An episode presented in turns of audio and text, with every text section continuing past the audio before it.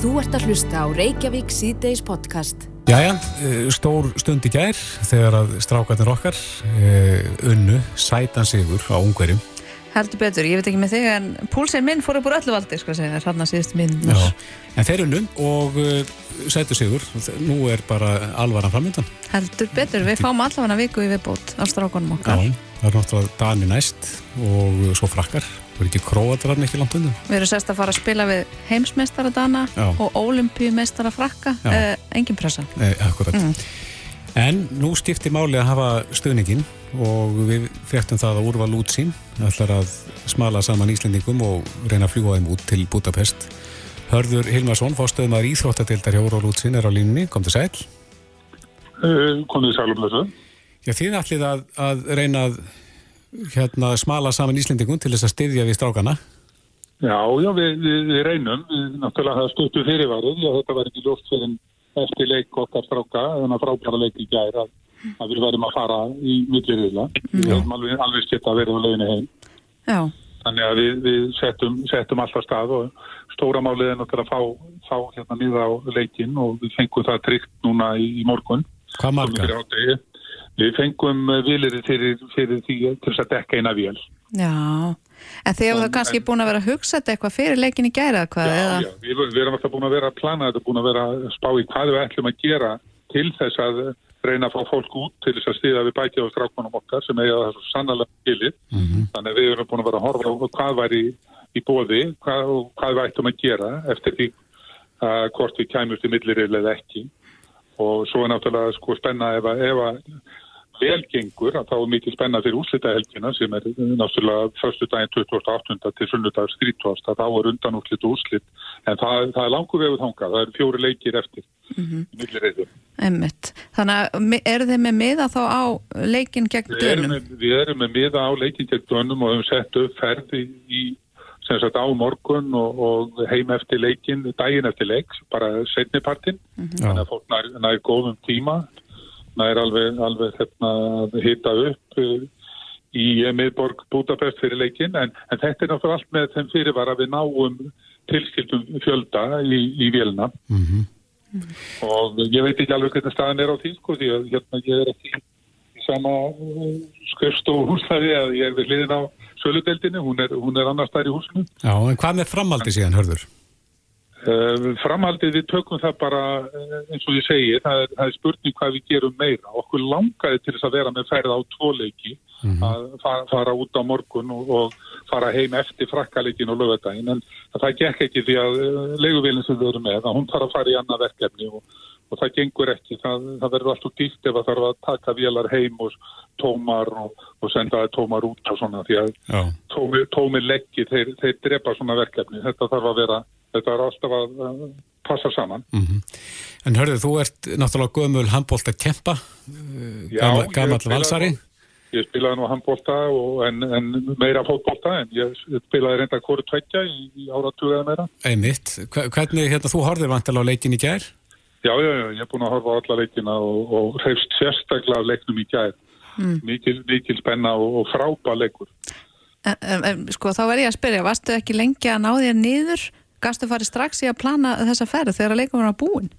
Jó, ég þurfti að gera það því að við vorum að vinna í þessu alveg til minnatis í gær og svo frá sex í morgun til þess að teikna þetta allt saman upp sko, mm. og tryggja vélina og fá, fá hótel og, og græja axtur og svo framvegis en, en stóramálið er það að, að, að fólk e, það bara ringi, takk um síman og ringi í okkur og, og bóti ferð því að þá fólk strákarnir viðbúta stuðning. Já, og hvert þá fólk að snúa sér? Það er bara að ringja í, í úrvalunsin 5854000 Og þeir eru með fólk núna á stanum sem að... Við erum með fólk við síman sem að, sem að tökum niður uh, bókanir. Já, hörður, ætlar þú að skella þér út? Það er ekki alveg komaður hengt. Mér langar, langar að sjálfsögðu en, en ef ekki þá, þá hérna verður maður við stjáinn eins og, og hundaföndu leikjum. Nei, mitt. En hvað kostar pakkin? Þetta er 99.900 með, með flugi og á mannin á, fjör, já, á mannin mm -hmm. það er fjóra fjörn og hótel í miðborg uh, Budapest og, og Akstur og mið á leikin og Íslands farastur Já, já. þannig að maður þarf ekkert að hugsa bara pakka niður og, og fara þetta völd bara tampust það niður í tösku og, og mæta með góða skapið. Já. En svona sem gömul kempa í, í þessu áhörfundu stifta miklu máli? Stifta mjög miklu máli. Ég, ég hef sett upp svona ferðir á, einmitt á, þegar handbóltalandsli hefur verið að spila aðlendis og stórnútum allt frá 1989 þegar B-kjefni var haldinn og við unnum hann mjög óvænt. Mm -hmm. Þannig að þetta hafa verið skemmtilega, skemmtilega ferðir og, og stórkostlega stundir með með leikmönnum og stuðnismönnum. Já, einmitt það. Við getum náttúrulega ekki fengið upp úr hverju þeir neftilegtist leikmæður í landsliðinu? Já, það er stórt spurt. Þeir eru margir frábæri núna. Þetta er, þetta er eitt mest spennandi lið sem ég hef bara séð í, í mörg mörg ár. Og, og hvað sem við náum alla leið í, í, á velunapall í þessu móti eða, eða einhverja næstu mótum veit ég ekki en ég er þess fullins að þessi strákari eftir að, að ná í medalíum. Hvernig líst þér á anstæðingarna framöndan? Þetta verður mjög erfið, sérstaklega fyrstu tveir leikið þar á móti dönum og, og frökkum. Þeir, þeir verða að hafa alltaf verið okkur erfiðir og verða þau öruglega núna en, en ég held að við eigum að vinna hína leikina ef, ef að hérna, allt er eðlilegt. Hína tóan. Einmitt. Einmitt það. Þá vorum við að tala um, um Kroatíu og Svartfjallaland. Já, þetta er erfið vika. Já, en þið, þið býðið við síman núna fyrir þá sem að vilja skella sér. Við gerum það.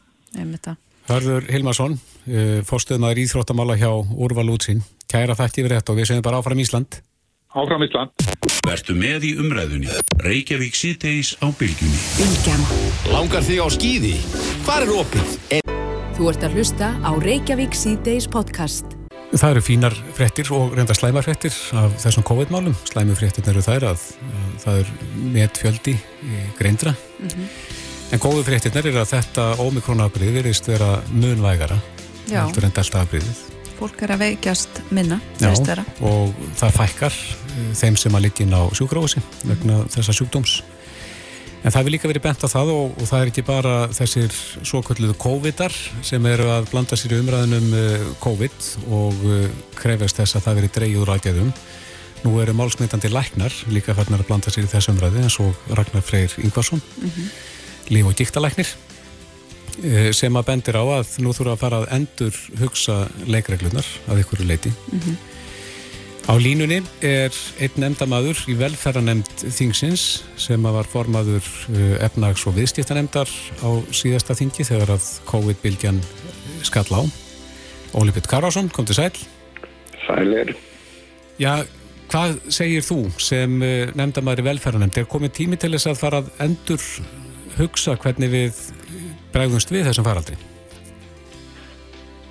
Já, stupasvarið er já, alveg óhátt því hvort þið sýti velferðan hefndið ekki. Ég held að það hljóti allir að sjá það og horfa til þess að aðstæður núna e, eru allt aðrar heldur í upphafi og, og mörgul, það, það er margt sem liggur þar að baki þeirri fulleringu. Fyrsta lagi náttúrulega vitum við meira um veruna heldur en fyrir tveimur árum. Við vitum við hvað er að fást. Í öðru lagi er þetta omikron afbreyði vægara og það er e, í raun e, hægt að fara að líta á þessa veiru sem svona frekar e, flensu, alvarlega flensu heldur en hérna, heimsfaraldur og vitna þá til dæmis í það sem að heilbreyðsar á þeirra spánar hefur verið að segja sem er að óskæfti því að Evrópusambandi fari núna að skilgreina COVID sem eh, svona flensu, alvarlega flensu heldur en sem heimsfaraldur. Mm. Og við sjáum líka að, að innlagnir á sjúkrahús eru miklu, miklu færri, legudagarnir sem að þeir sem þurfa þá innlagna halda eru færri og svo framvegis. Og það er auðvitað komið tími til þess að við endur skoðum það hérna hvernig við tökumst á við að, að verja líf og helsu landsmanna, verja líka sko efnahagslífið, félagslífið, uh, félagslegt samneti sem við þurfum á að halda. Sérstaklega þegar við horfum til þess að hérna, við erum bólusett þjóð og ég sjálfur þurft að glíma við COVID hérna milli, hérna á svona á jólaháttíðinni og hérna og sem betur fer sildi ég svona frekar létt í gegnum það eins og allir aðrir með örf á mundatengum. Mm. Já, Ragnar Freyr Ingvarsson hefur nú gagnint að við sem að taka allt og mörg síni og það kosti skildingin og þessum fjármunum væri betur væri annar staðar. Erstu sammála því? Já, ég held að hann hafi hérna, mjög margt til sínsmáls. Ég held að, og það, þegar maður horfir á hvernig hérna, þjóður heims er að endur skoða hérna, það hvernig eh, eigi að vinna eh, samfélagin út úr þessum vanda að þá eru menn að, að breyta vinnubröðum og leggja dröga því að breyta vinnubröðum þegar það kemur að skiminu, þegar það kemur að reglum um einógrun, sóttkví og svo framvegis. Og það er alveg rétt að, að það er, og það er sangjöld og eðluleg spurning, ekki síst frá lækni, að velta því fyrir sér er ekki betur varið fjármunum sem fara til dæmis í mjög umfásmiklar skimanir með öðrum hætti til að verja líf og helsu við hvað maður að hópa. Og uh, hitt er hann að mál að uh, sko vandi sem að við erum að glíma til dæmis þegar að kemur að landsbítalan verður ekki leistur í einu umfangi með því að dæla einhverju fjármunum í spítalan vandi spítalans byggur annars er, er það viðvarandi vandamál landsbítalans eins og er að verða vandamál fyrir eh, helbriðiskerfi á Vesturlöndum að það er að manna helbriðiskerfi. Uh, við erum ekki að, að menta nægilega marga lækna, við erum ekki að menta nægilega marga hjúgrunafræð og fræðinga og svo framvegis. Við erum heldur ekki að borga nægilega há laun vegna þess að það er flótti úr stjættinni.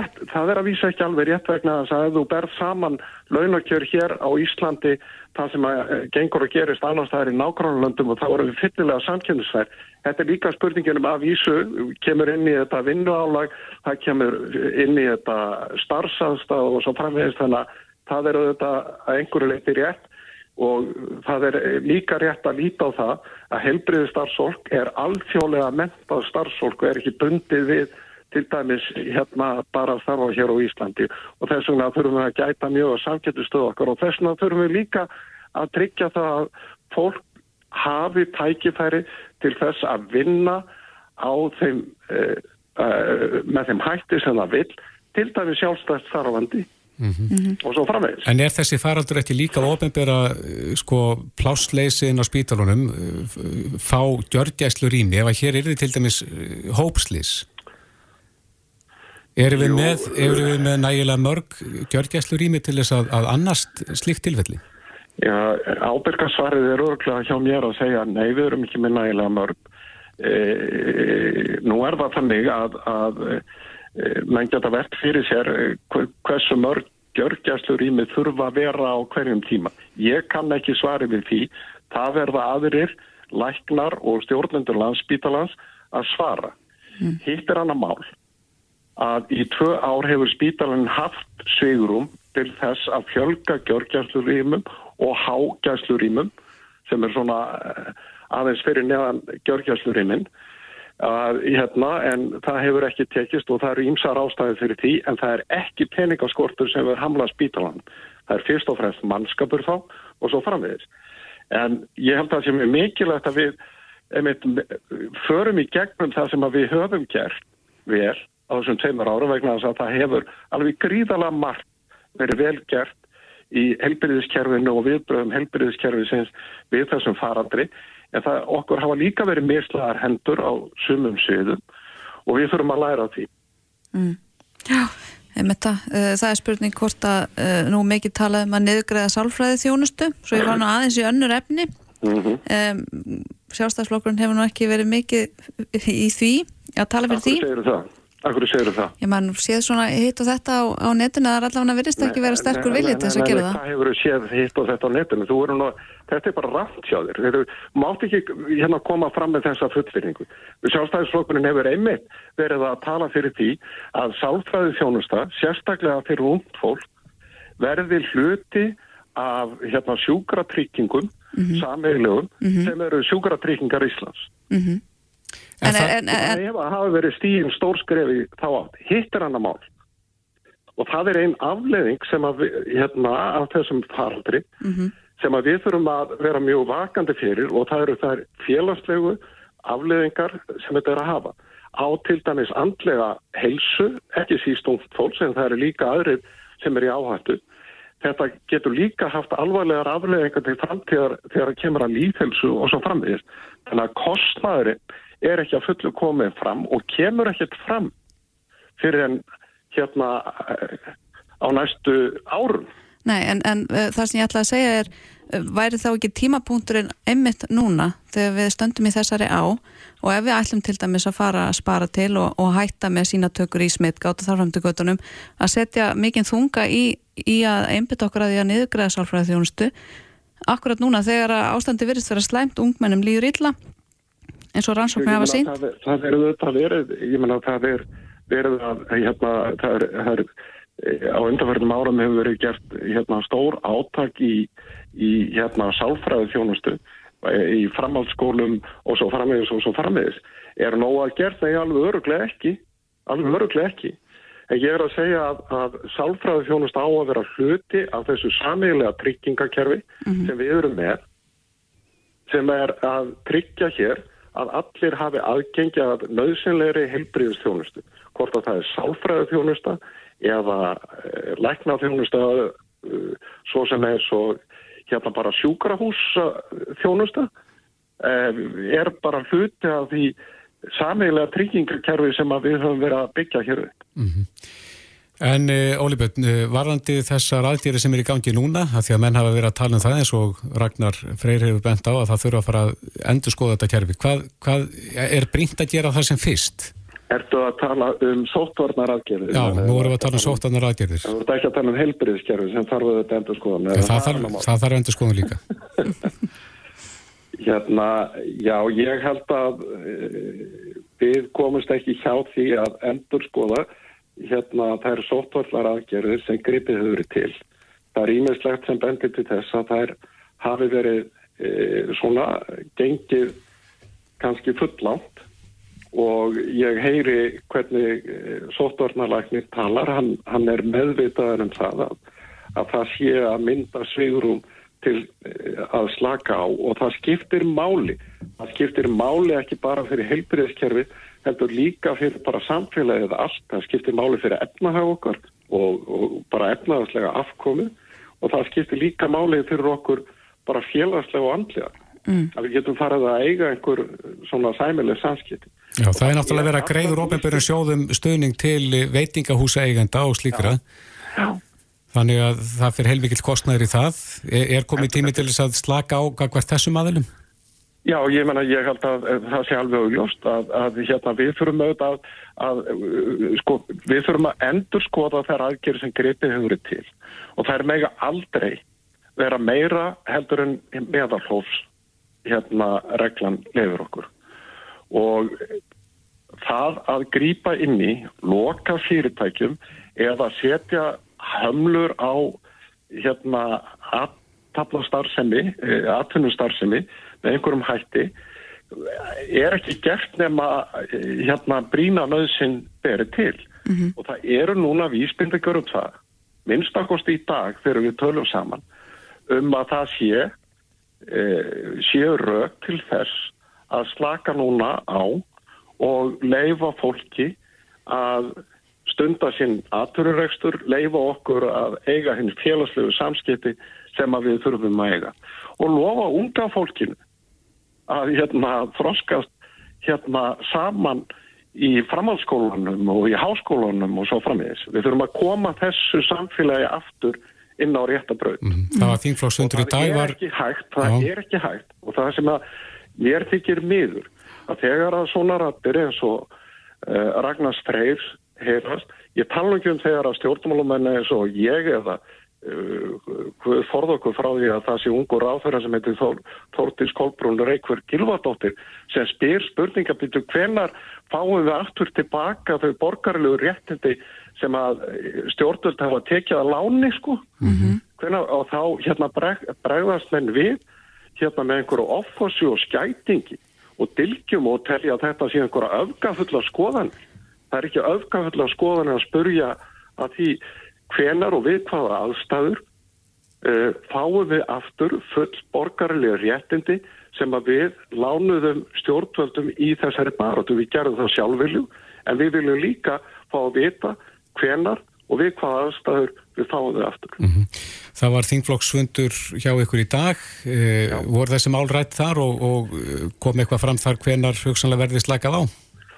Nei, þetta var að þetta, það er alltaf sá þingflokksfundur það sem að einhvers konar COVID-mál koma ekki til umræði en, en sótarnaraðgerðin er ekki sérstaklega en það var gert síðastlega mánudag mjög ítalega það eru þetta þannig að, að menn hafa þetta nálgast e, málinu þetta með frá mismunandi sjónarhóðni en við erum e, á því að það sé skilda stjórnvalda ríkistjórnar á hverjum tíma að gæta meðalhófs þegar að grepið er til takmarkaðandi aðgerða gagvart borgurunum og stjórnvöld verði að vera vakandi fyrir því að nýta tækifærin til að slaka á klónni mm. og ég held að ég geti fullirt að við sjöum núna á þeim tímabúndi að stjórnvöldum beri skilda til þess að huga að því að slaka aftur á. Einmitt að. Já, þetta eru góð loka orð. Óli Björn Kárusson, takk kærlega fyrir spjallið. Gangið vel. Takk sem leiðis. Þetta er Reykjavík C-Days podcast. Reykjavík C-Days, uh, það er mikið talað um handbólt á þessa daga og sérstaklega já. eftir hennan, uh, já, ekki bara eitt sigur, heldur þrjá sigur, við sigurum það þrjá fyrstu og, og einu leikina í, sem að búinir eru. Já, og væntingarnir eru í toppi já. og það, mér finnst mjög taugatrekkjandi að, að við sem að fara að mæta dönum. Á morgun. Í, á morgun, eftir mm. mjög stutt hlið og þeir eru heimsmeistarar. Já, þeir eru heimsmeistarar. En það er spurning hvernig talað er um íslenska liðið og þannig leik sem framöndan er í Danmörku. Já, eru Danir jafn spenntir og Íslandingar fyrir handbólta? E, í Óðinsvél er súkulæði gerðamæðurinn Þormar Þorbergsson, kom til sæl. Já, það er einn. Já, er, eru Danir spenntir fyrir leiknum eins og Íslandingar? Já, já, þeir eru það sko, þeir eru náttúrulega örgið með sig og það er náttúrulega verið örgið sko. Já. Þannig að já, þeir eru spendir, jú, jú. Er, er þeir nokkuð of örgið með sig? Nei, nei, þeir eru náttúrulega rosalega sterkli. Þetta er náttúrulega sterkast handbóltalið í heiminum í dag, það er sér örugt og þeir eru með rosalega breyðan hóp og sterka einstaklinga. Þannig að eina eiga þeirra vinnugur sko, ef maður lítur þannig á það. Mm -hmm. þeir eru náttúrulega einstaklinga, einstaklinga getur verið erður í ég har ekki að taka sko þannig að ég held að ég sé nú með varan á. Við hann reynslu á því og, og þeir vita náttúrulega hvað þjálfara eru með að koma um guðmund þannig að þeir vita hvað hann hann, hann er smjall. Já, en hvað einmitt, en, en hvað segir almanna rómurinn? Á, á þetta að vera auðvelduleikur fyrir Dani? Nei, ég, ég held að það sé bara sama hjá flestum sko. Að hérna, þeir, þeir eru við varum á gafast okkur sko, þeir vita við erum rosalega baróttu græðir og gefumst aldrei upp og, og, og tala mjög vel um okkur, þannig lag og byrja alveg verið til okkur mm. við erum stannvarlega sko mm.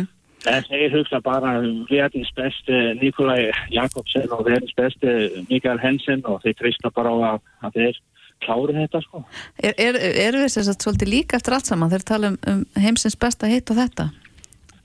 Já, þetta hefur nú alltaf verið í Danmarku, það er svona til að hæpa, hæpa upp uh, stemminguna sko. Þeir eru náttúrulega heimsumstæðar og eru, eru efurumestæðar og, og, og þeir vita alveg að því og, og hérna, það er ekki til launingum alveg það, þeir vita að við erum svona underdogs í þessum leik og þeir eru, þeir eru með pressu á að síra okkur, þeir vita alveg að því og hérna, og það veit öll þjóðin að því náttúrulega og bætti þess bara að þeir vinna okkur sko. En voru þeir ánaðir e, þegar það lág ljóst fyrir að þeir myndi mæta Íslendingum næst? Já, því nú að því sjónvarpunni þeir væri nú alveg saman hverju fáum þeir voru náttúrulega góðu með sig sko við viljum alla okkur, okkur er nokkur sama sko en, en svo sögðu þeir það sko að hérna þeir sögðu að þeir ætti að mæta okkur Íslendingum og þá sögðu þeir já ok, þetta, þetta verður erfitt mm. Já, já. já. Þetta blir rækti sverð Já, það er nú okkert að koma með hans nýru jörðina en, En er, eru margir danir sem hafa farið út og fylgst með mótinu? Það er nú talsveit á Íslandingum og margir á leiðin á morgun, veit ég? Já, það, það, það er eitthvað, það er nú samt minna sko, það er ennþá þessi kórunufæðsl átum allt sko, það hefur náttúrulega mikil, mikil áhrif á þetta sko, Danir eru ofta góð, mjög góð í því að fylgja ekki lífa á svo kettir og fín stemming í kringu það, en, en það er nú bara því miður þetta eitthvað sem að, sem að hérna, eiginleikur það náttúrulega í byli sko. Já, en hefur þið Og- hversu margir meiri segja, og meiri segja það sko, að gaman að fara hérna á pöppana og sjá svona stemmingum á leikina, það er svona daldið dabus núna sko, Já, þessu sko. en hefur þið heyrt hversu margir verða á leiknum? Nei, nei, nei, nei, nei, ég veit ekki um svona, engar, tölur sko. Nei. En ég veit að, ég veit að það verður ekki mikil umferð hérna í bænum þegar það með þessu endur þarna að fólk að vera heima og horfa á hann sko. Já, danski fánin út um allt. Það er stemming, það er, það stemming fyrir þessu, það, það er það sko. Sérstaklega hérna upp á Jólandi og það er uppfrá, sko, það er óalega mikil handbólta stemming, maður, maður heyrir það sko. Já. Hvað erst þú búin að búa lengi í Danmarku? Ég er búin að búa frá 2006, Nú, þannig að þú áttu ekkit í erfileikum með að, að velja það lið í þessum leik. nei, nei, nei, núna eru börnin mín sko, dönsko, það eru þau sem vera í erfiðleikum sko, þau eru 50-50, þannig að það eru þau sem að vera, ég, ég segi alltaf sko, ég segi alltaf í Danmarku, ég held alltaf með Danmarku þegar Danir eru að spila, en nema á mót Íslandi, þá breyti ég. Já, þá heldur um Íslandi. Já, Já. og svo er, og svo er hérna, og svo er svonum minn farin að hérna á fullu þessu líka sko, og, og, og það er einu skiptin sem ég held með dönum fyrir einhverju Íslandík, það er að svonum er með dönsk, dönskalinni. Já, já, Þannig að þetta, þetta þeir nú að vera alltaf snúðisnundum, sko. já. En við kynntum því hérna í náða sem súkulaði gerðamann. Hve- Hvernig er að búa til súkulaði í Danmörku? Já, ég er hérna óðin sem er svona litla súkulaði fabriku, sko, og höfum haft mikið að gera og, og gengum vel. Það er svona sér, sér framleysla sem er í svona gúrme pródúkt, sko. Já, gengum mjög vel og, og brjál og, og rosalega mikið að gera núna fyrir jólinn en, en, en náttúrulega núna í þá var maður nú meira að slaka á svona og jafna sér eftir jólapressuna sko. já þeir En- allir en fara í það- átak. það er- Já, já, akkurat, þá er, þá er ekki þörf fyrir mig, það er allir í akkurat. En þú býð þá kannski en til ég- súkulaði íslenska fánan eh, ef að við náum að vinna á morgun. Já, já, ég er, ég er ósku, ósku, ég tala mikið við kunnan í búðunum að hitti mikið fólki og ég fæ alveg skeiti frá þeim og ég, ég ekki við að svara móti, ég er búin að halda því fram hérna við sem að fara að vinna á, sko, þannig að það er eins gott að ég að ég gera það, sko. Já, en viltu spá fyrir um hérna hvernig leikunni fer? Já, ég, ég, ég, ég spái svona 30-29 fyrir Íslandi. Já, Það er gríða spennandi og við tökum þetta. Já. Uh, hérna, minn sem er að vinna hjá mér hérna, náki, hann er búin að spá að þeir vinni okkur með 15 mörgum. Já, að það er rosa munur. en þú spáir marka súpu á morgun? Já, ég, já, ég, ég, ég held, held það sko. Við Íslingar erum svona smá vandræmi með vörðina sko. Og, og finnst það, það er ekki okkar sterkasta lið sko. Nei. Og Danir, það mann orðið hérna, sláða dálítið út af legin. Ég, ég, ég kann, ég kann ímist tricks til að slá Dan út af læginu. Já, nú, einhver Eins sem þú vilt deila með okkur. Já, maður, já, maður, maður á alltaf að, þeir, þeir vilja alltaf hafa skipala og allt pla- planlagt. já, Þannig að maður maður á alltaf að segja um hvað þú er búin að skipalegja eitthvað þetta planleggja og svo rétt áður hún að leikur fyrir hann, hann var að breyta í öllu. Já, og þá, og þá tekur það svo langan tíma átt að sjá í hvað gerðist eða og, og akkur er plönin ekki eins og þau eiga að vera. Sko. já, akkurat. Og, og, og, og ég held að Guðmundur kunni öll þessi trikk sko. Já, hann kann á Danina. Já, hann, hann, hann, hann kunni þannig að fara betur hann heldur en hann ef hefur ekki það að farið sko. Já, akkurat. Það verður ekki sem að spennast að sjá það. Æ. Þormar Þorbergsson, súkulaði gerðamaður í Óðinsvei. Við segjum bara eins og áður, áfram Ísland. Við skulum vona að spáinn þín rætist á morgun og þeir merji sigur. Já, já, við bara bjassin, við eh, reynum þetta bara. Takk fyrir spjallið. Já, sumulegis, takk. Reykjavík síðdeis á Bilginni podcast. Jæja, Reykjavík síðdeis. Það er að myndast spenna núna, sér maður, eh, vegna þessa máls eða, frumvarp sem að Inga Sæland stendur fyrir um blóðmærahald eða bann við blóðmærahaldi. Emmitt. Og við sjáum hér í frétt inn á vísi.is að, að það var með sleið í umsögnum um blóðmæra frumvarpið. Já, ég mæli nú alveg með því að fólk renni í gegnum allar þessar umsagnir. Það eru mjög forvitnilegar. Margar hverjar? Hvað er það margar þessu umsögnum? Býtum nú við, þar fórum nú eitthvað yfir 100. 129. Já, Inga Sæland er á línunni, kom til sæl. Já, komið heil og sæl. Er þetta ekki met? Já, ég veit ekki betur. Ég, ég veit ekki um, ekki um neitt mál sem hefur uh, fengið annað eins og umsögnum og, og þess beð líka geta uh, um 236 umsagnir voru einnig sendar fyrir umhverfustofnun sem að var að veita ístekka áframhaldandi leifi uh, til þess að framlega þessi lif mm. til ásins 2038 og þar, uh, þar kemur í ljós frá umhverfustofnun að stór hluti af þeim umsögnum hefði einmitt verið um blóðmera haldi sem slíkt þannig að það hefðu átt að rata inn í atvinnuvega nefnd og ég býst við því að umhverfustofnun sinni þeirri skildu sinni að vera með upplýsingar uh, til, til viðkomandi til þess að þeir getur sendt umsagnir sínar á, á réttan stað þannig að ég, ég, ég vil fann að sjá ennþá fleiri umsagnir heldur en það sem þeir eru komna fram. Jáhá, þannig að þær getur jafnvel farið yfir 200, yfir 300? Þess vegna ef að, ef að, hérna, ef að líkun lætur. Já. Eh, en ertu búin að fara yfir allar þessar 129 sem hafa nú borist eh, umsagnir við frumvarpið þitt? Nei, ég skal vikja um það. Ég er alls ekki komin alla, alla þá leið. Mm. En, eh, en ég vinna því alveg hörðum höndum og, og ég sé það að það er miklu, miklu meiri hlutin af því sem ég er að sjá sem að, að er algjörlega andígur þessari meðferð á tilföllum hrissum en það hefur það komið fram ekki bara hjá dýravendarsamtökum heldur hjá bændum mm -hmm. tugum, tugum bændar sem hafa hringt í mig og haft samband sem ekki eru blóðmeramætt bændur sem segja það sé engin leið að gera svona laga fallega það sé engin leið að taka e, ótemju og, og hérna án þess að þurfa að e, beita hana ofbeldi mm -hmm. til þess að framkama þessa aðgerð. Að þú ákvaðast að leggja þetta frumvarp fram aftur eftir að þessi austurísku dýravendarsamtök byrtu heimildamind það sem að voru mm. síndar eh, sínd myndbönd sem á fengjum voru með falinni myndavill sem að síndi einmitt slæma meðferð á, á hrissum e, og þetta, þetta verið ítt við fólki finnst þið það svona á þessum umsögnum að, að þarna sé e,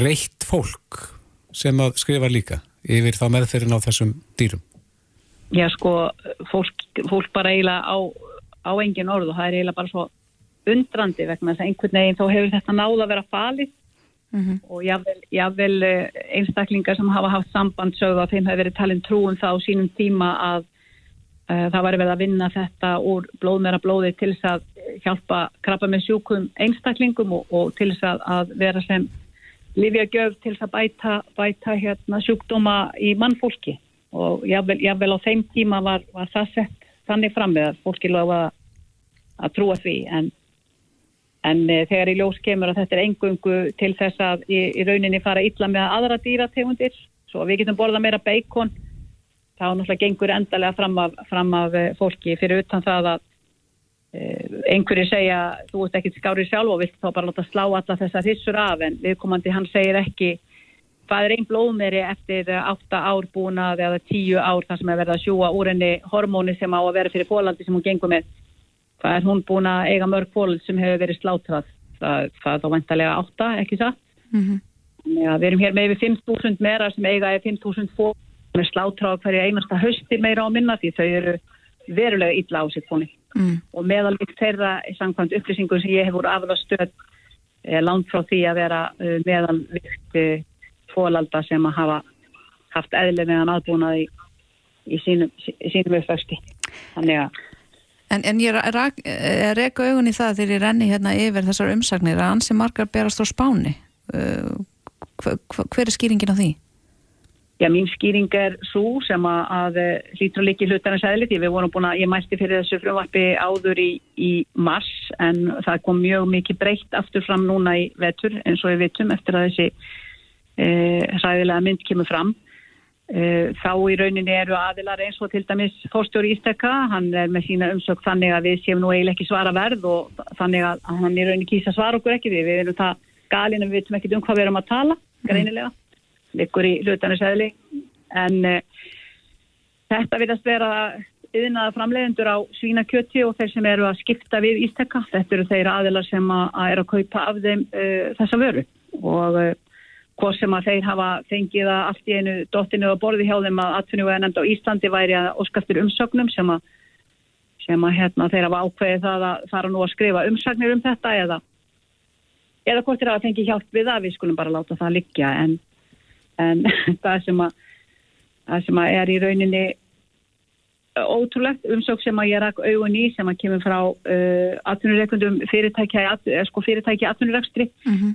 Þar sem þeir eru að við hafum farnir að tengja sko atvinnufrelsi eh, eignaskrár eh, hérna stjórnarskrár, stjórnarskrár eigna, já, atvinnufrelsi stjórnarskrár við þetta það, það kemur hverki nokkuð stað fram og ég ætla að vona við um aldrei eftir að sjá það í nokkuri lögjöf að við mælum með því stjórnarskrá að það með gera hvað eina sem er mm uh, jafnvel að nýðast á dýrum bara til þess að flokkaða undir atvinnufrelsi en það vitum við það að við erum hér með alls konar hömlur á atvinnufrelsi hvort það lítur að sjáar útveginum eða, eða öðru og það eru það er aldrei þannig að við getum gert hvað eina sem okkur lí, líst, eh, líkar best og, og, og alltaf að klæða það í kjól atvinnufrelsis stjórnarskrár, það er algjörlega af og frá.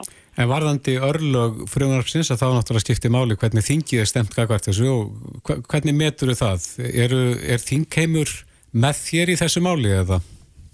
Já sko það sem er, er nú þannig að það er alltaf pólitík allstaðar og, og ég held til dæmis að framsóknarflokkurinn sem er nú með formensku í ettunum við að nefnd uh, ég trúi því að að þeir fá að heyra það frá öllum þessum bændum sem að þeir eru talsmenn fyrir og, og, og, þekktir fyrir að fá þeim bændum sem er að fordæma þessa yðju að þeir sjáu það að það er ekki síður ástæða til þess að standa með þeim bændum heldur en þessum ríflega hundra sem eru að, að hérna halda þessar blóðmerar. Mm. Enda í frumvarpinu það er eins gott að það komi bara fram í frumvarpinu gæst ráð fyrir því að þeir bændu sem verða af tekjum uh, frá Ísteka vegna þess að þetta verið að leggja af þessa yfir sína að uh, ríkisjóðu myndi bæta það en meðan að, meðan að þeir fengi eitthvað annað. En í umsögnunum er til dæmis umsögn frá bændasamtökunum og félagi Rósabænda uh, mm. þessi tvö samtök vilja býða eftir niðurstöðum starfsóps landbúnaðar ára um blóttöku úr hrissunum.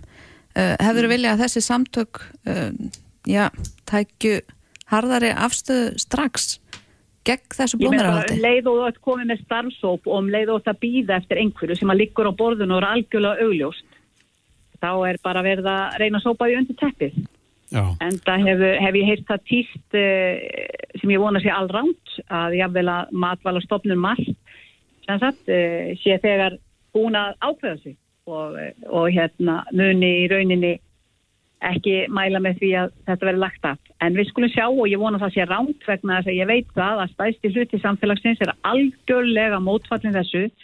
Það er algjörð samfélagi hér, eða minnst að kosti siðmentu samfélag líka.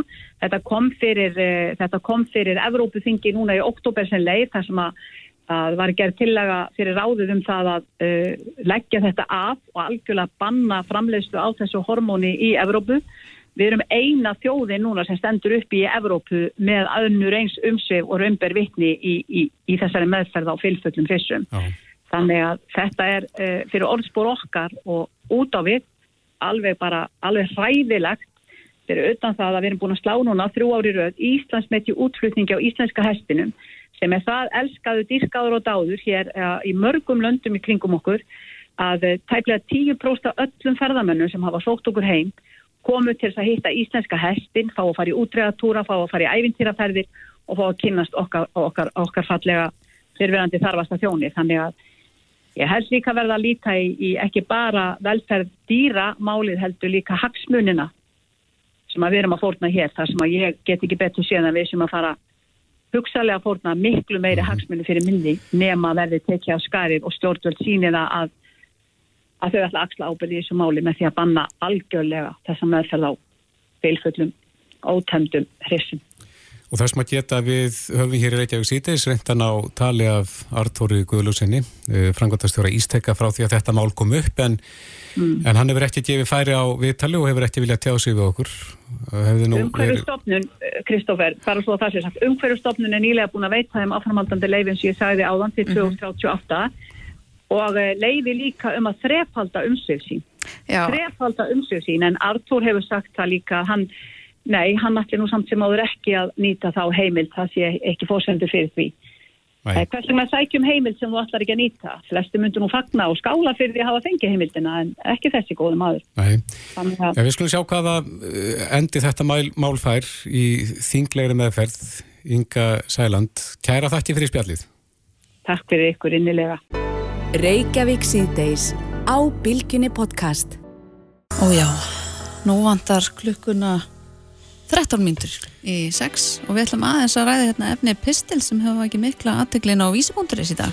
Já, og hérna væti svona upp eh, reyði finnst manni þegar maður lítur yfir samfélagsmiðlana en uh, þar er talað um að okra með aðstóð ríkisins og þannig er verið að tala um raforkumarkaðin. Einmitt. Eh, Berglind Rán Ólafsdóttir, framkvæmdastýra Orku Náttúrunar skrifar uh, þennan pistil sem hefur mikið verið vitnað í Mm og, og telur hreinlega að uh, neytandastofa þurfa að fara að skipta sig að hvernig sölu og raforku er uh, hagað hér á landi. Einmitt. En uh, á línunni er Halla Hröndlóðadóttir, orkumálastjóri, konti sælblessuð. Sælubessu. Uh, hvernig slær þ- þessi pistil þig? Erstu búin að lesa hann? Já, eh, ég er búin að lesa hann og þekki málið uh, uh, einnig vel. Uh, það sem að skiptir máli hérna er kannski fyrst að átta sig á því af hverju uh, málinum er þannig háttað að uh, valið er orkusala ef að fólk til dæmis flýtur á milli staða að þá er kerfið rauninu hugsað þannig að, að sá orkusali sem að hefur bóðið lægsta verðið fái uh, viðskiptin og það hugsun á, á bakvið lögin er sem sagt svo að, að uh, það sé verið að tryggja það að þegar fólk er að flytja á milli heimila eða annað og hugar ekki að sínum uh, málum velur sér ekki orkusala að, að það sé sett í viðskipti við einhvern og kerfið er þannig að það er valið eftir lægsta meðalverði eins og það hefur verið ákveðna mánuði á undan þannig að, að það uh, í raun og veru kom okkur á óvart og hefur uh, margar kvartanir hafa borist til okkar formulega kvartanir frá einstaklingum og fyrirtökjum uh, sem að gera það að verkum að málið er til skoðunar en það lítið við allar kvartanir mjög alvarlegum augum. Mm En það er sem sagt uh, það sem að er talið vera lægsta verðið er síðan af endanum ekki, ekki það lægsta og það hæsta eða, eða snýr ekki aðtóðasemdin meðal annars að því. Jú, aðtjóðsendun akkurat snýra því að, að uh, kerfið, þar að segja, uh, gerir ráð fyrir að, að, að, að sá aðili sem að fær þessi þrautavara viðskipti sé valin út frá því að, að viðkomandi aðili hafi bóðið lagsta meðalverðið. Mm uh, þegar að sá aðili er valin, sem sagt, á þeim tímapunkti.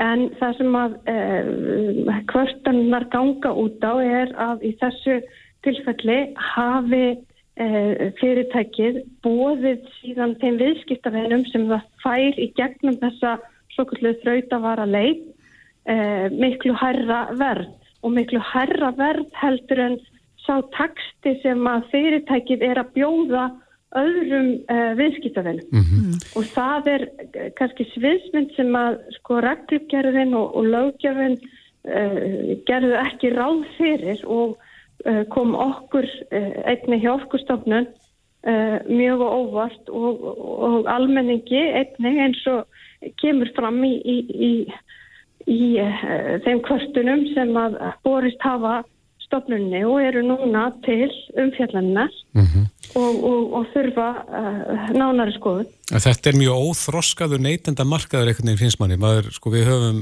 skoðun á því við hvaða bensín og oljufyrirtæki við vestlum, maturveslanir, en, en þetta er einhvern veginn, fólk er ekkert mikið að spá í þessa hluti með rafmagnið. Já, þetta er markaður sem er í mjög örri þróun og við höfum þetta verið að innlega lögjöf uh, rætt og nýja lögjöf á, á undanförðum árum.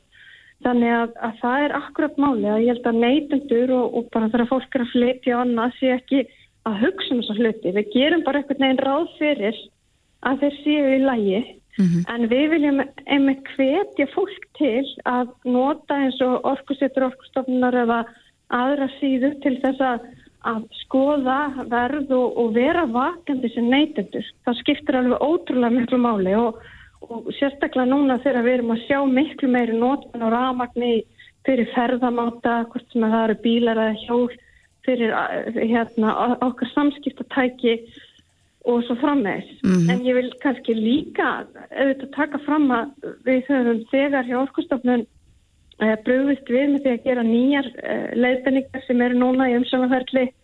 Uh, við erum líka búin að kalla eftir upplýsingum frá enn einum og uh, erum núna, það sem gerist er að koma kvartanir, svona formulega kvartanir inn til okkar er að, að, að við förum yfir þær mm -hmm. og síðan er liggur niðurstað fyrir rauninni málunu.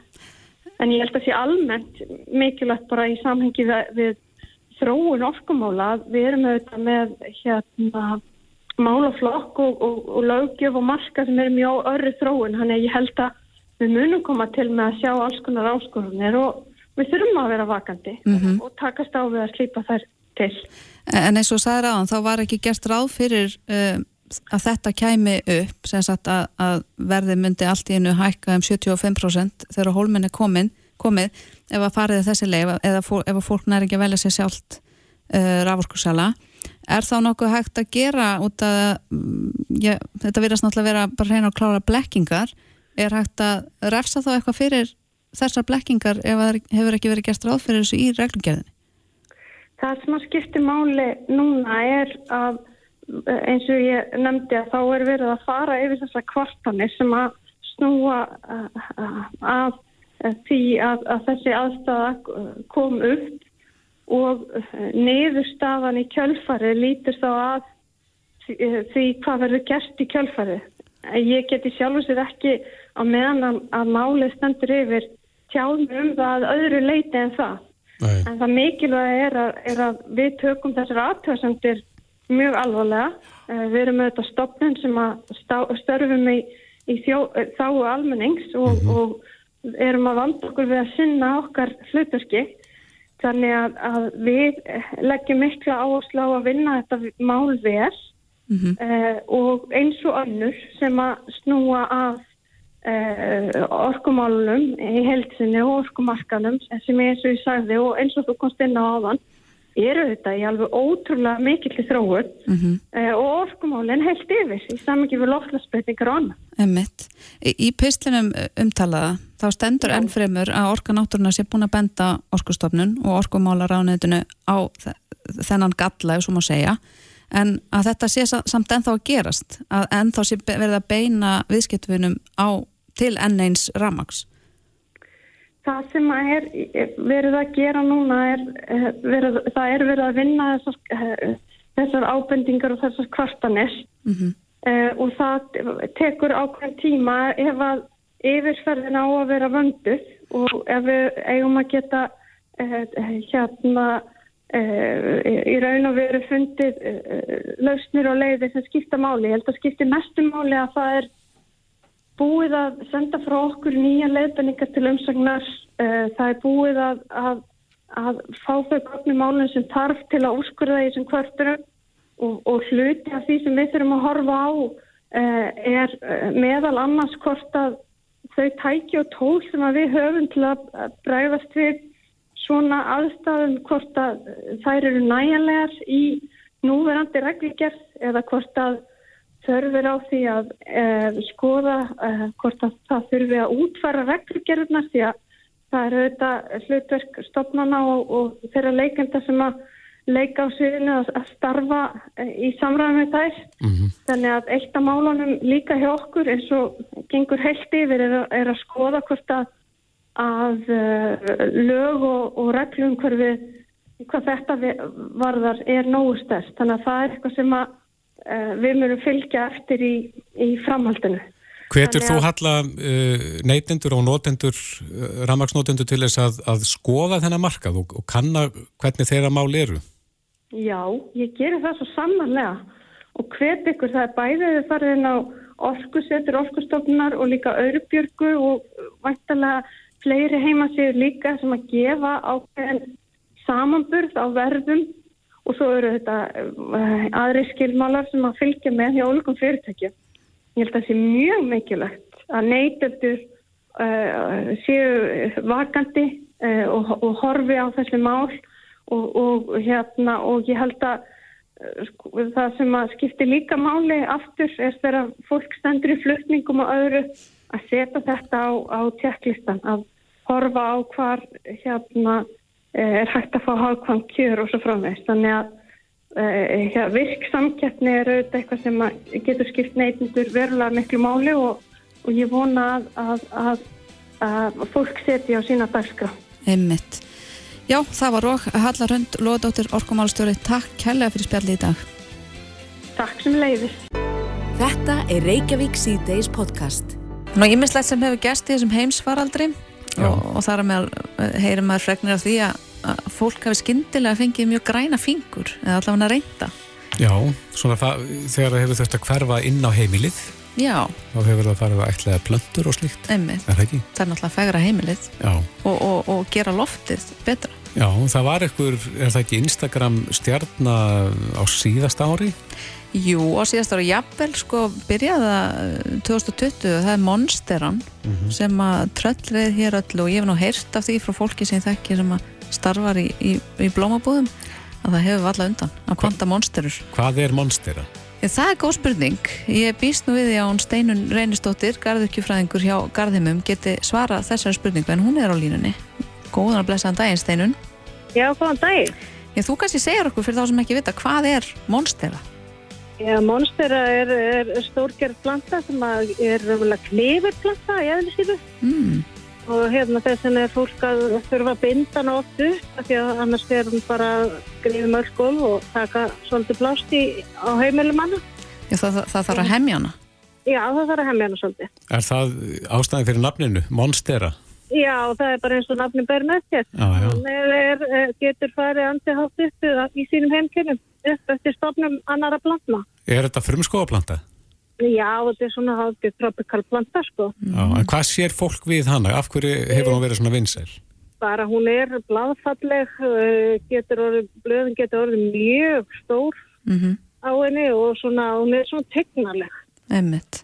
Þi, og það eru náttúrulega alltaf að koma núna nýjar tegundir fram af einmitt monsturu tegundir sem eru þá aðeins smágerðari og oft með meira reyfnum blöðum eða annar bladlitur og annað mm -hmm. og þetta er kannski ekkit endilega hægt akkurat þessi þessi Instagram stjarnar. Nei, einmitt, ég hef heyrt af eh, monsterum sem verða, um, já svona eiginlega hvítar á lit eða taka sér einhvern hvítan lit á, á blöðum eða blómum. Já, já það er blöðin verða tvískipt, eða það er annarkvæmt er það hvít og grænt eða stundum farið út í gullt og grænt. Já, er það sjálfgeft að næla sér í Já. slíkt eintak? Já, já, það eru ansi sjálfgjafar en, en þeir sem hafa náða næla sér í eru nú stundum að framleiða eitthvað og, og, og, og, selja svona á hinnum ymsu síðum. Mm. En blómabúðunar og, eru ekki að fá nema útluta nokkur blöndum á ári sko.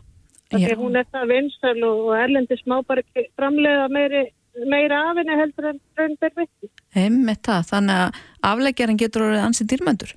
Já, hann getur að ansið dýrmættur og, og kosta þetta svolítið á krónum. Já, um, ég er nú búin að vera að skoða hérna í erlendum miðlum sem að spá inn í framtíðina Já. að það verði nú ekki bara monsteran sem að eh, verði Instagram stjarnar ársins, það er verið að spá til dæmis að ymsir svona þykkblöðungar verði nokkuð vinsælir. Já, já, og, og, og það eru náttúrulega e, að bara plöntur almennt hafa verið rosa vinstælega og það er náttúrulega að gera gott fyrir okkur. Finsa loftið og, og bæta bara almennt hér, svona yfirleitt. Mm. Þegar það er haga sér á réttan veg. Já, maður þarf náttúrulega að kunna að fara með þar. Já, það geta verið svolítið, um, maður verður svolítið svektur ef það er fara að falla svemma eða lendi í einhverjum frækningum greið. Hvaða, hvaða plöntur er best að hafa fyrir þá sem eru ekki með græna fingur og eiga til að gleyma að vökva á slíkt? Já, það eru til dæmis uh, indjánafjöðurinn og indjánahöfðingin sem eru svona stikkir stóndi stofnar sem að geima rosa mikið vatn í sjálfu sér. Er, er það eðimerkur plöntur? Já, svona hálgerðar, sko. Mhm. Og svo er tegund sem að heitir sómakólfur. Mm. Það er líka mjög skemmtilegur, svona, svona þykk, þykkir stönglar sem að koma upp og blöð út frá því og maður getur alveg glemt að vöku hana í tölvöld langa tíma. Já, já. Er það misminni hjá mér steinun en, en eh, var svona planta eins og litlu hryllingsbúðinni sem að getur flugur, var hún vinsal hérna fyrir árið tveimur árum síðan? Já, þær eru enda svolítið vinstalegt. Þetta eru svona svo kallar kjötætur sem að borða flugur sem að uh, við uh, búðinnar eru stundum að flytja inn. Hvað heita þessar plantur? Uh, þetta er nú yfirleitt bara að kalla kjötætur. Mm. Er þið með svona í dag? Ekki við það í dag, nei. Nei. Nei. Ég sé líka hérna á svona spásíðum að uh, það vilist vera að færst í aukana að fólk fjárfest í svona svolítið stórum plöntum. Uh, finnir þið fyrir því að, að það er svona stórar og miklar plöntur eins og monsteran, gott dæmi, sem eru vinstætli heldur en þessar litlu? Já, fólk er að leita svolítið eftir svona á gólfið eða eitthvað svolítið í, íbúðir og svolítið eru orðan þar kannski svolítið stærri heldur en voru hérna í gamla dag og fólk er að tróða þessu svo sem svart með en bara til að bæta hjá sér lofti en, en svona blaðstóra blöndur, pálmar uh, páagöksnefið og hérna kallast líka hérna hvernig mann ég ekki aftur eins og ég Þannig en strelitzia heitir það á Mm. latinu Mm sem er svona blaðstofplanta svona tropikal líka Já. Já, ég, eru búin að vera svolítið vinstar. já, ég sé hérna á listum líka friðarliljuna og gamla góða burknan. Já, það er náttúrulega líka því að þau eru svo lóttisandi. Mm. Já, eru er, er plöntur sérst misgóðar til þess að Já. reynsa loftið? Já, það er aðeins með skoðar en samt eru allar, allar svo sem að gera eitthvað gafn, sko. Já. En það er ofta talað um að fríðalilju sé mjög góð það sem er mikið að ráðtækjum. til Já. dæmis. Já, já. Það er eins og að tækja ykkur ráðbylgjur í sig. Aha. Heppilegt að ég er með friðarlilju við hliðin á sjónvarpinu mínu. Já. Já. Hún getur alla geislinn vantalega. Já, já. En e, það hefur nú líka verið talað um það mælt með því að maður tali við blóminn. Já, já. Og fólk er nú að gera það og, kannski full mikið stundum því að það er, núna er fólk að, að lendi því að það er búið að vera vöku og kannski aðeins og mikið með að við byrstumagnið úti þannig að það er við þessi tími núna þessi dagar desember, janúar, fram í februar þegar sólinn fyrir að hækka lofti En og þú, þá er fólk að vöku og kannski aðeins og mikið. já. en þú sagðir að fólk eigi til að tala of mikið við plönturna, tók ég getið því? Jú, jú, en það er eins og ég segi maður tala kannski aðeins og mikið við hann eða gefa það mjög mikið að drekka. Já, en er hægt En að, það, það er alltaf alltaf gott að tala við spjallaðu blöndina, það er kannski ekki að mann er góð svör svona eitthvað tíma. já, er þetta að drepa úr leiðendum? Um, já, sjálfsagt, en ég efast samt það er mjög sjálfgætt. Já, það er mikið til þess. Já, það þarf að vera ganga ansi mikið á. Já, uh, við getum væntalega uh, beint áhersum til ykkar í garðheimum ef þeir vilja fræðast um hvernig þeir eiga ekki að drepa plöntur, hvorki úr leiðendum nýja, já, hvað segir maður? Ofvökun. Ofvökun. Já, maður þarf eiginlega bara, að- að- maður þarf svolítið að hugsa um það að minka svolítið vökunna núna. Það er líka því að fólk er að lendi í svona litlum rakaflugum sem að eru að koma því að moldin er aldrei að forna neitt af ráðinu. Já, er, er þær svipaðar á ávastaflugur? Eða? Já, það eru náttúrulega ekki eins og ávastaflugur en það eru mjög svipar stærð og og kvimlegar að ángra mann svona. Já, já. En þá ráðið til þess að losna við þær er þá bara að minka vökunum? Að minka vökun og, og reyna að þauska svolítið upplöndunar. Og ef það er að sita, ég hefur verið með þetta í, í, í skrautpottum, að liftast það kannski stundið blöttir upp úr og setja undirskala og láta lofta meir um rótakerfi. Mm Já, einmitt það. Já, monsteran heldur velli en eh, fleiri stórar plöntur eh, já, skína skert á þessu ári. Eh, Steinur Einstóttir, garðurkifræðingur hjá Garðimum. Takk kærlega fyrir spjallið. Já, takk sem leiðist. Hlustaðu hvena sem er á Reykjavík C-Days podcast. Já, nú er að hittna heldur betur undir í pólitíkinni, hans við á landinu. Mm, Og- stefnir í spennandi sveitastöndakostningar í vor. Einmitt. En það segir hérna í orðinu á í, í, í náttúrulega.is þar er Ármann K.R. Ólafsson eh, bæjarstjóri í Kópói. Hann er orðar við borgarstjóraslægin í Reykjavík Já, og uh, menn eru svona leiða því líkum að, að hann ætla að stjalla sér þann slag hefur gefið þótt, hann ætla ekki að bjóða sig fram aftur í Kópói mm en það er spurning hvort það sé eitthvað að marka þennan orðróm Ármann er á línunni, kom til sæl Já, komið sér. Já, hvað segir þú? Ætlar að stjalla þér í borgarpolitíkina? Nei. það var nú ekki menningin og ég get nú sagt það að ég hætti ekki sem bæðistur í Kópói til þess að fara í prókjur Reykjavík. Nei. Nei. Þannig að það sé nú sagt. En uh, hins vegar finn ég það þetta svona uh, koma á óvart að ég skildi ákveða hætta. Og þá einhvern veginn fara einhver að leggja saman 2 pluss 2 ég ætla að dengja mér þetta en það er ekki. Ég er bent á það að ég er búin að halda fjóruðum í þessu sem bæjarfylltrúi og ég held að það þykir nú bara nokkuð langu tími. Þannig að það er ekkert verið að pressa á þig að, að blanda þér í borgarpólitíkina. Nei, ég get ekki sagt og ég get í það minnst að það held ég að engum hafi dottið það í hug fyrir en einhvern veginn uh, ég held ég að fengi þess að spurningu fyrst á rúf. En nei, nei, það er ekkert uh, stíkt í gangi og, og í rauninni getið sagt, það er enginn haft samband við mig sko, það, það er bara staðan. Já, en af hverju ertu að hætta? Já, eins og ég segi, ég er búin að vera uh, þennan tíma uh, í bæjarpolítík, hvað sé hann, 98 Mm. og bæjarfulltrúi síðan, ég er búin að vera 80 til flokksins helmingin að þeim tíma og, og nánast allan þann tíma bæjarstöri, þannig að uh, mér fannst þetta bara orðið gott og svo aftur hitt að lífsklukkan gengur á mann og mér finnst ég kannski eftir einn fjórðum geð þá til að gera eitthvað annað Mm. og það er nú bara einhvern þannig þegar maður fyrir yfir þetta það er sikk hvað 56 eða 60 svona með fullir virðingum fyrir að, fólk eldist. En, en uh, þannig að þetta bara einhvern veginn gerist. Áramótin koma og það þá fer maður að hugsa sinn gang og uh, síðan þarf maður að fara að skilin uh, prókjörs yfirlýsingu og svo þegar svona svo dagsend er að koma þá bara þarf maður að ákveða að stökpa Var það léttir að, að tilkynna þetta? Það var í sjálf sér léttir að tilkynna en ég viðkynna að þetta var mér bísna erfitt. Þetta er bara stór ákvörðun og ég menna að dóttið minn sem er búin með háskóla, hún sagði mér þegar ég var búin að gefa þetta út. Pappi það verið skvítið að kynast þér og þú ert ekki sem, það sem þú ert ekki bæjarfulltrúi. Hún er kannski fegin. Já, kannski, ég, allavega mér fannst það leikið í orðunum og, og hún var svona uh, rétt að byrja að ganga þegar ég byrjaði sko. En ertu búin að ákvaða hvað og, og sama, ég, ég á tvo krakka sem er þetta stálpaðir og, og, og þau muna ekki eftir mér öðru þannig að ég veist nú svona alveg að maður sé búin að standa sína vakt í þessu. Einmitt. En ertu búin að ákvaða hvað þú ætlar að gera? Nei, það er bara Það er eftir Já, já, það er alveg eftir En það verður eitthvað allt annað en, en pólitík.